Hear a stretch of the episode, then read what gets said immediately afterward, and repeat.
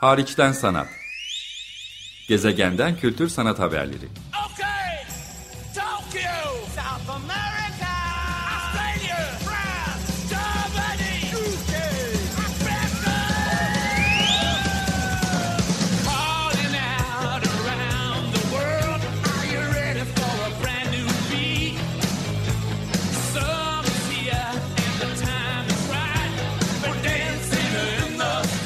Hazırlayan ve sunan Çelenk Bafra Zorlu Holding Sürdürülebilirlik Platformu Akıllı Hayat 2030, herkes için daha yaşanabilir bir dünya diler. Merhabalar, iyi haftalar. Açık Radyo'da Hariçten Sanat programındasınız. Ben programcınız Çelenk, Çelenk Bafra. Hariçten Sanat programıyla gezegenin farklı köşelerinden görsel sanatlar ağırlıklı haberler getiriyorum size. İlk e, programımı da bundan 5 yıl önce kaydetmiştim. 5 tam yıldır her pazartesi Türkiye saatiyle 16.30'da hem 95 FM bandından İstanbul'da hem de Açık Radyo'nun web sitesinden e, dünyanın dört bir tarafından internet aracılığıyla bu programları dinlemeniz mümkün. Programlar web sitesinde Açık Radyo'nun kayıt arşivinde geçmiş programlar olarak e, erişilebilir durumda. Aynı zamanda iTunes ya da Spotify'da hariçten sanat hesabına girdiğiniz zaman da son bir e, dönem program özellikle çünkü bu teknolojiler hayatımıza biraz daha sonra girdiği için 5 yılın tamamında olmadığı için vurgulamak durumundayım. Ulaşmanız e, mümkün.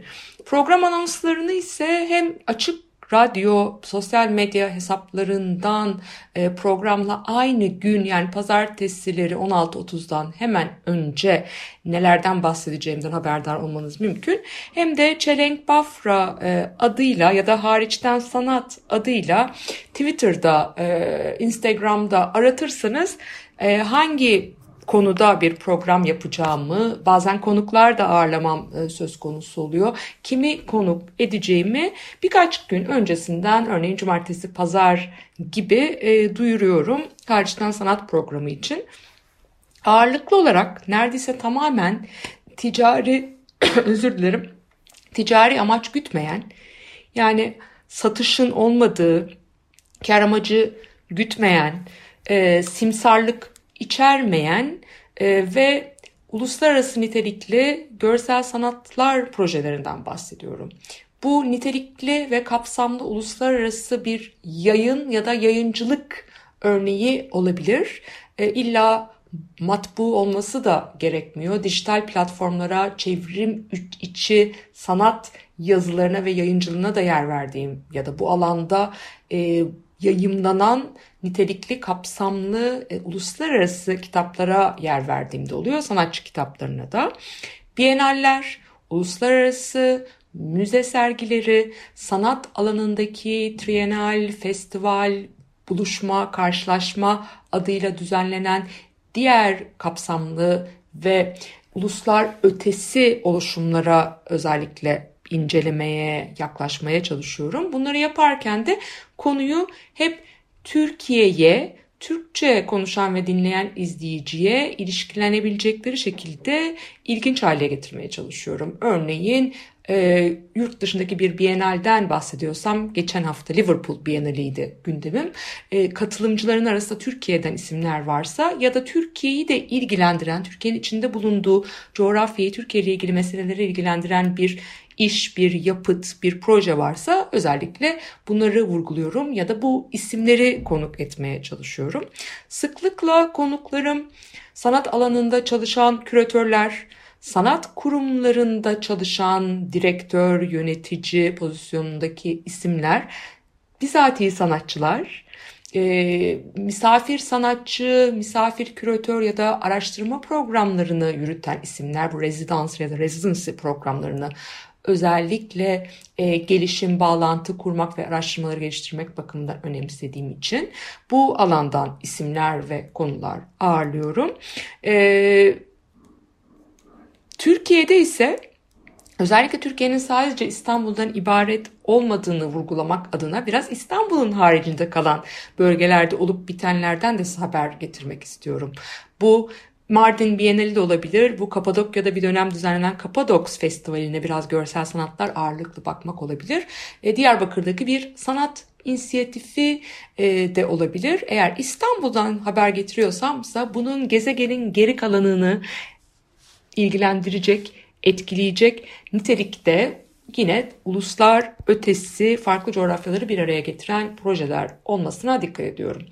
Çok nadiren sanat piyasası hakkında da olmazsa olmaz olduğu için haberler getirdiğim, bazen fuarlarla e, özellikle uluslararası fuarlarla ama tabii ki Türkiye'deki fuarlarla da onların daha kamu programları, eğitim programlarına yönelik e, projelerini de ön plana çıkartacak şekilde sanat piyasası, sanat ekonomisti ya da piyasa uzmanlarıyla da bunu değerlendirecek e, programlar, analizler getirmeye çalışıyorum. Bu alandaki destekçileri, fonları, hibe programlarını, destek mekanizmalarını, koleksiyoncuları, e, sanat amirlerini de zaman zaman konuk etmeye ya da gündeme getirmeye çalıştığım oluyor. E, bugün bunlardan sonuncuya örnek bir programla karşınızdayım. E, malum bir yılı aşkın süredir küresel salgının etkisi dünya çapındaki bütün sektörlerde ekonomiyi derinden etkiledi, dönüştürdü, paradigma değiştirici olduğundan e, bahsedildi. Benim de alanım hariçten sanatın adından da anlaşılacağı üzere sanat olduğuna göre biraz sanat piyasasına bu anlamda bakmaya çalışıyorum. Bu alanda e, geçmiş hariçten sanat programın programlarından birinde çok değerli bir e, konuğum olmuştu. Aylin Seçkin, Profesör Doktor, Bilgi Üniversitesi'nde öğretim üyesidir. Onu e, konuk etmiştim. Sanat piyasası küresel raporlarından birinden yola çıkarak hem Türkiye sanat ekonomisini hem küresel sanat piyasasını onun e, gözünden onun analizleriyle sizlerle paylaşmıştım bu programa. Birkaç yıl oldu doğrusu ama hariçten sanatın kayıt arşivinden ulaşmak mümkün. Ben de sosyal medya kanallarından hatırlatayım. Bugünkü programımın ana konusu dünyanın en e, köklü e, artık sadece adındaki gibi Art Basel çünkü adı İsviçre'nin Basel kentinde düzenlenmeyen onunla birlikte Miami'de, Hong Kong'da da e, şubelerinin olduğu diyeyim aynı isimle aynı markayla Art Basel markasıyla Miami'de ve Hong Kong'da yani dünyanın bambaşka kıtalarında da böylece Avrupa, Amerika Birleşik Devletleri ve Uzak Doğu olarak ayırabiliriz. E, sanat piyasasına yön veren e, bir fuarla bu sektörde çok aktif destekçiliğiyle de tanılan, aynı zamanda portföy yönetimi konusunda da ön plana çıkan bir başka markanın UBS'in ortaklaşa son yıllarda yayınlamakta oldukları Global Art Market Report tan size bilgi ulaştırmak istiyorum. Yani Dünya Sanat Piyasası raporunu yayınlamış durumdalar. Bu ay itibariyle Mart ayı içinde 2020 yılına yönelik bunu yayınladılar. Bu da geçtiğimiz yılın yani 2020'nin tamamen pandemiyle dönüştüğü pek çok Art Basel'ın kendisi de e, ve kendi diğer edisyonları yani Basel, Miami ve Hong Kong edisyonlarının e, hiçbirinin düzenlenemediği, çevrim içine taşındığı, başka formlara büründüğü, pek çok müzayedenin iptal edildiği, dediğim gibi yine farklı modellerle zaman zaman küçülerek, zaman zaman başkalaşarak ortaya konduğu bir dönemin e, sanat piyasası raporunu özellikle sizinle paylaşmak istedim. Öncelikle paylaşacağım e, bilgileri son derece e, mevcut e, rakamları, bilgileri, çıktıları sizinle paylaşmaktan ibaret kılacağım. Zira ben bir sanat ekonomisti değilim. Evet 20 yıldır bu alanda çalışıyorum ama işin piyasa tarafı belki de en az bildiğim bölümlerden biri olabilir. Eminim bunu bu alanda özellikle uzmanlaşmış isimler farklı karşılaştırmalı biçimlerde de yorumlayacaklardır.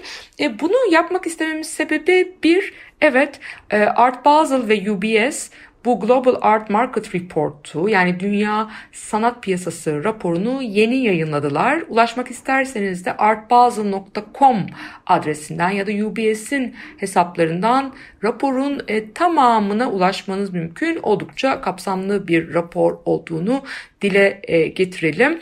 E, uluslararası nitelikli kültür ekonomisti Dr. Claire McAndrew tarafından e, yürütüldü, hazırlandı. Arts Economics'in kurucusu e, ve e, Art Basel'la UBS ortaklığında e, yayınlandı.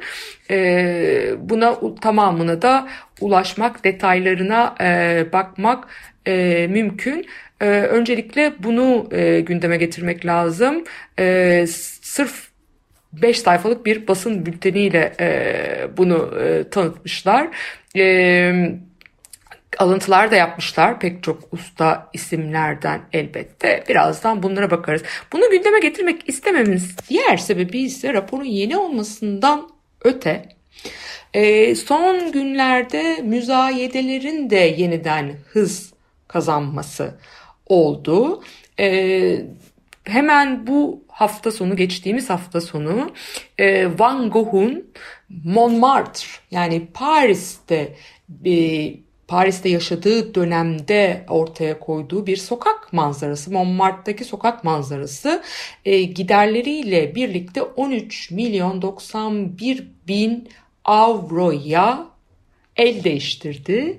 Uluslararası Müzayede Evi Sotheby's'in yaptığı müzayede ile e, bu uzun süre sonra yine e, sanat piyasasında tartışmalı, buna hareket getiren e, pek de nadir değildi sanatla ilgili haberlerin ana haber bültenlerinde yer alması. Yeniden gazetelerin e, önemli kısımlarında ana haber bültenlerinde uluslararası ve Türkiye'de haber yapılmaya başladı.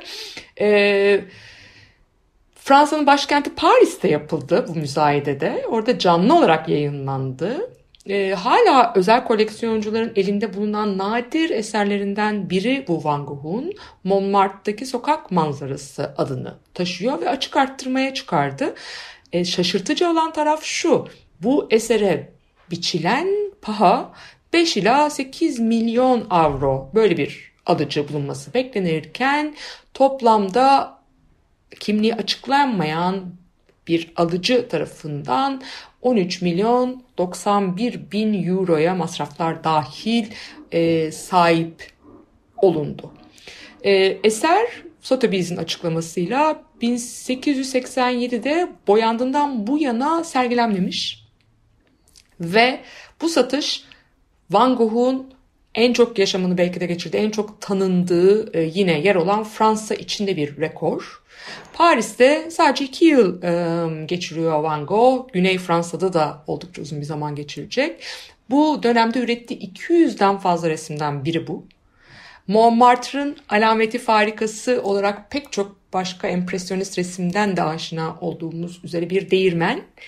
Ee, yine orada geçiyor bir yel değirmeni. Ee, bir çift var görüyoruz. Ee, bir promenada bir yürüyüşe çıkmışlar muhtemelen. Ve iki e, çocuk görüyoruz küçük çocuk. Oyun oynuyor olmaları muhtemel. Yapraksız ağaçlar gördüğümüz için bunun bir sonbahar e, ve giyim kuşamlardan sonbahar döneminde olduğunu anlamak mümkün. Ve öyle Van Gogh'un e, pek de en önde gelen nadide e, nitelikli yapıtlarından biri olarak görmemesine rağmen bu bedelle satılmış olması çok ses getirdi. E, müzayedede e, yakın dönemli olduğu için e, vurgulamak e, gerekiyor. Hemen 26 Mart Cuma günü yayınlanan haberlerden size alıntılıyorum. E, Degas Magritte, Modigliani, Klee, Rodin ve Camille Claude gibi başka önemli isimlerin imzasını taşıyan 33 eser daha satışa çıkartmıştı ama hiçbiri bu tarz e, tartışma getirilecek e, rakamlara ulaşmadı. Ve de e, son olarak şöyle tamamlayalım bu haberi, bilgiyi. Son Van Gogh eserin bir müzayedeye çıkan böyle herkese açık, isteyen herkesin alabileceği yani halka açık diyeyim bir müzayedeye çıkan son Van Gogh e, eseri e, bundan neredeyse 4 yıl önce 2017'de New York'ta 81 milyon dolara satılan 1889 tarihli bir tarlada işçi adlı bir başka e, çalışmaydı. Bu ona tabii hiç yaklaşamamış bir rakam olmasına rağmen böylesi e, bir dönemde yapılmış olması özellikle fark yaratıyor şüphesiz. E, Van Gogh'la ilgili 100 yıl sonra ortaya çıkan bir eser olması bakımından da önemli. Ee, daha önce de Sotheby's'in Paris, Amsterdam ve Hong Kong'daki şubelerinde de e, sergilendiğini e, belirtmek e, lazım e, ve de belki de hatırlatmak adına son olarak hatırlatmak adına Paris'te canlı yayınlanan ama New York, Hong Kong ve Londra'daki Sotheby's ekipleri tarafından da açık arttırmanın yürütüldüğü bu müzayede 25 e, Mart'ta yani 25 Mart 2021 e, tarihinde yapıldı. Bir süre tartışmalar bunun etrafında devam eder diye düşünebiliriz. Ee, şimdi Art Basel Global Art Market Report'a e, gelmeden önce size e, Profesör Doktor Aylin Seçkin'in Covid-19 sanat piyasasına etkilerini e, yazdığı, kendi öğretim üyesi olduğu Bilgi Üniversitesi'nin e, magazin yani dergisinden, online dergisinden kısa bir e, bölüm aktarmak istiyorum. Bize en azından bu raporun hazırlandığı, ortaya konduğu bağlanma bir e, ön hazırlık niteliğinde olur onun görüşü. Ee, şöyle diyor Aylin Seçkin, Mart 2020'den bu yana Covid-19'un etkisi tüm piyasalar gibi sanat piyasası da yavaşladı ve zorunlu ve çok hızlı bir değişime girdi. Yine o da Art Basel ve UBS Market Report'tan alıntılamış. Daha önceki onların ara dönem raporlarından çünkü bu Kasım tarihli. E, 2020'nin ilk yarısında galeri satışları yaklaşık %40 düşüşe girdi. Bazı galeriler kapanırken bazıları aktivitelerini sadece çevrim içinde sürdürme kararı aldı. Bazı galeriler ise diğerleriyle birleşme ya da el değiştirme süreci e, geçirdi. E, bir şey kendi yorumuyla Aylin Seçkin'in Pandemiyle birlikte insanların sağlığın, iyi yaşamanın önemini kavradıklarını ve yaşanan mekanın önemini idrak ettiklerini e, benzeyen bu tam bu kelimelerle olmasa buna benzer bir şey söylüyor Aylin Seçkin.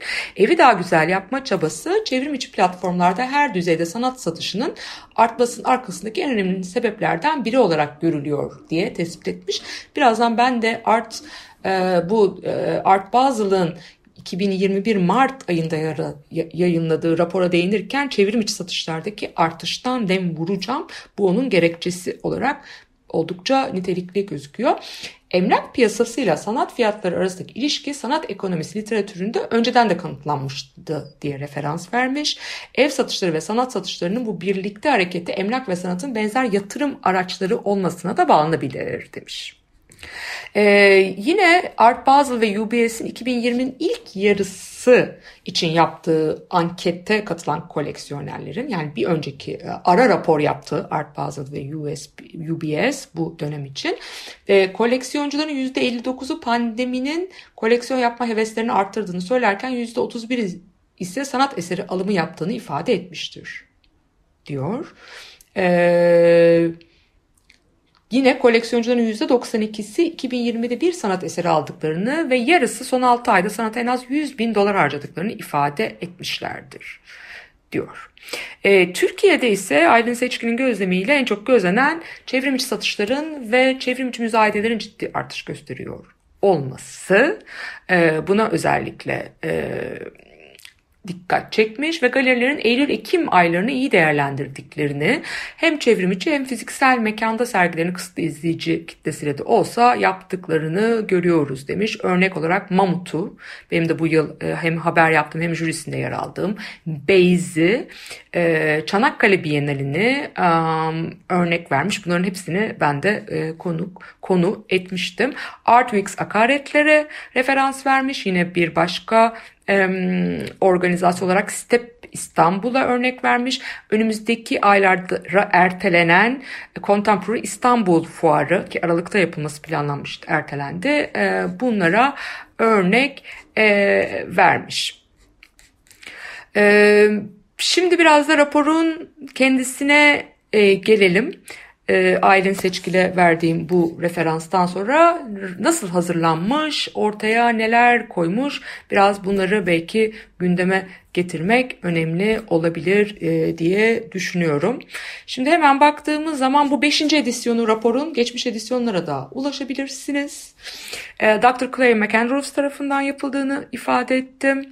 Ee, hem makro düzeyde bir analizini yapıyor hem de oldukça kapsamlı bir analizini yapıyor sanat piyasasının dünya çapında özellikle üst düzey yöneticilerin e, davranış biçimlerini inceliyor. Aynı zamanda küresel salgının etkisine sanat piyasasının farklı sektörleri, farklı alt bölümleri üzerindeki etkisine bakıyor ve dinamiklerin bu zor ve dönüştürücü süreçte nasıl dönüşüme uğradığına bakıyor.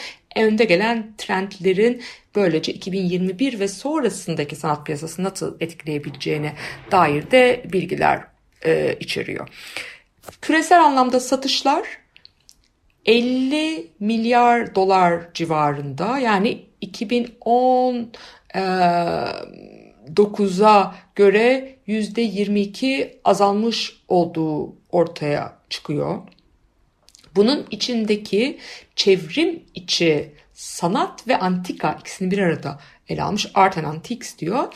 Ee, bir rekor kırarak 12,4 milyar dolarlık bir rakama ulaştı diyor. Bu geçtiğimiz yılın iki katı ve de genel e, piyasanın da dörtte birine tekabül etmesi bakımından özellikle önemli diyor. Önde gelen piyasalar olarak 3 ana sanat hub'ı, 3 ana sanat merkezinin piyasa bakımından ön plana çıktığını özellikle vurgulamış. Amerika Birleşik Devletleri, Birleşik Krallık ve Çin, Greater China demiş yani Çin ve içinde bulunduğu bölge diyelim.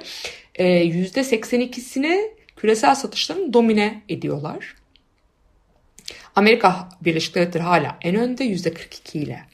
Bunu özellikle vurgulamak e, lazım. E, başka söylenebilecek bu alandaki önemli e, bulgularla ilgili şüphesiz çok e, şey var. Bunların hepsine e, tek tek bakmak lazım. En önemlisi sanat fuarlarıyla ilgili olabilir bence. Biraz önce gündeme getirdiğim üzere. Tam 365 küresel ölçekli sanat e, fuarının bu listelere girmiş. 365 küresel ölçekli sanat fuarının %61'i iptal olmuş 2020'de. %37'si canlı etkinliklerle düzenlenmiş. %2'si sadece hibrit, alternatif etkinliklerle e, kalmış.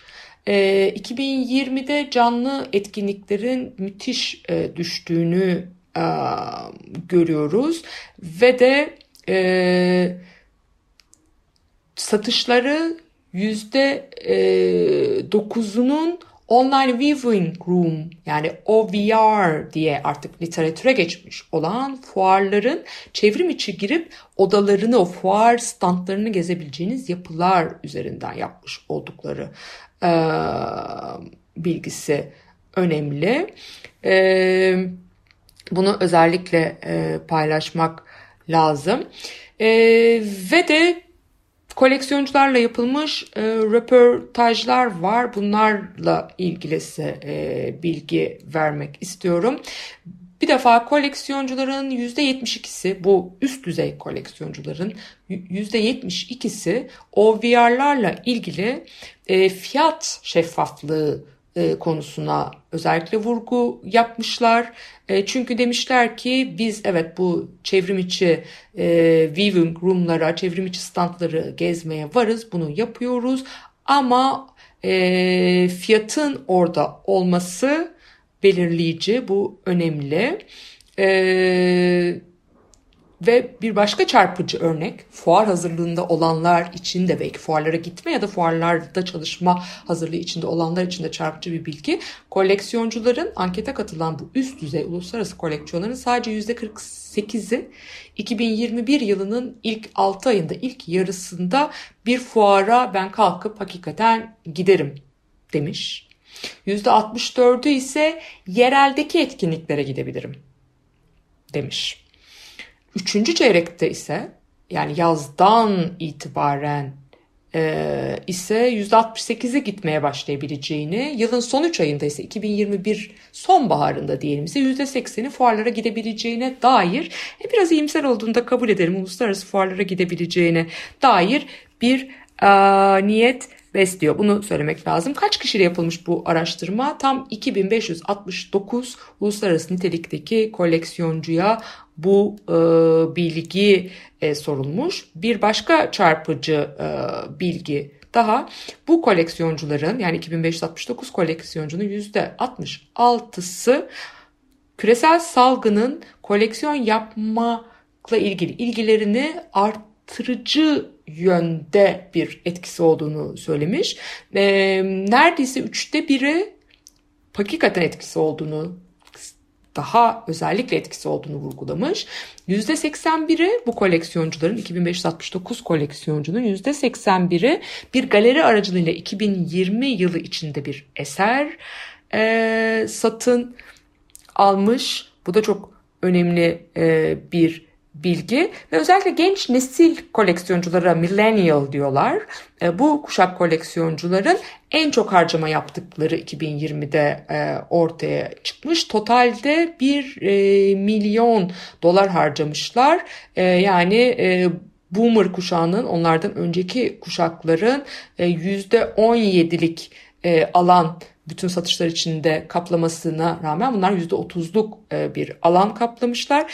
Bir de son dönemlerde sanatta kadın e, konusu tekrar tekrar ön planda her seferinde zaten hatırlatmak getiriliyor gerekiyor. Kadın e, sanatçıların koleksiyonlardaki sanat sergisindeki yetersiz temsiliyeti gibi ama bu sefer ilginç olanı kadın koleksiyonculara e, dair de bir e, kısmı var bunun.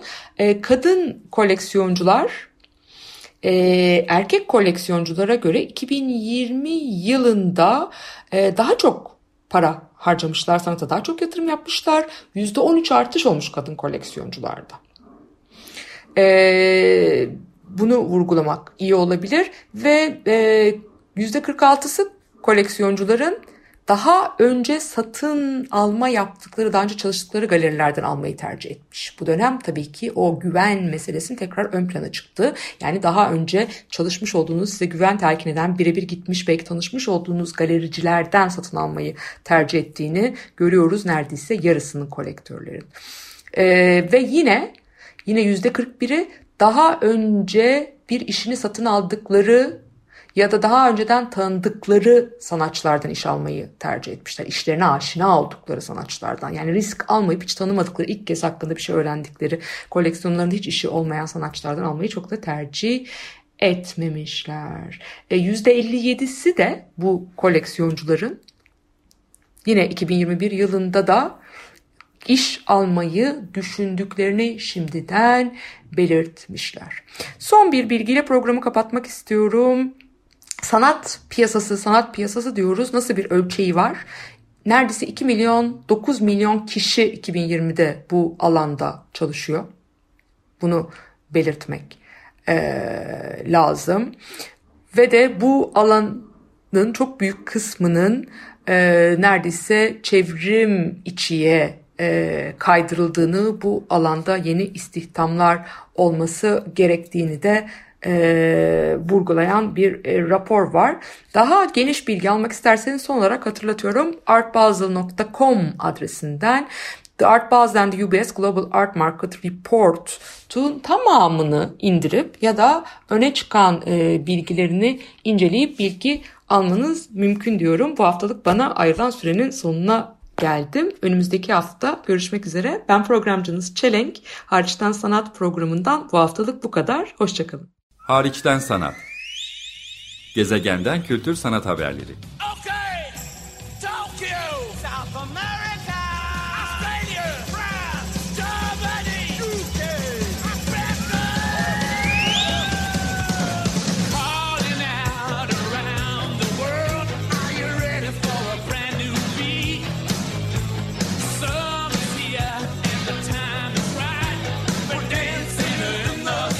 Hazırlayan ve sunan Çelenk Bafra. Zorlu Holding Sürdürülebilirlik Platformu Akıllı Hayat 2030 sundu.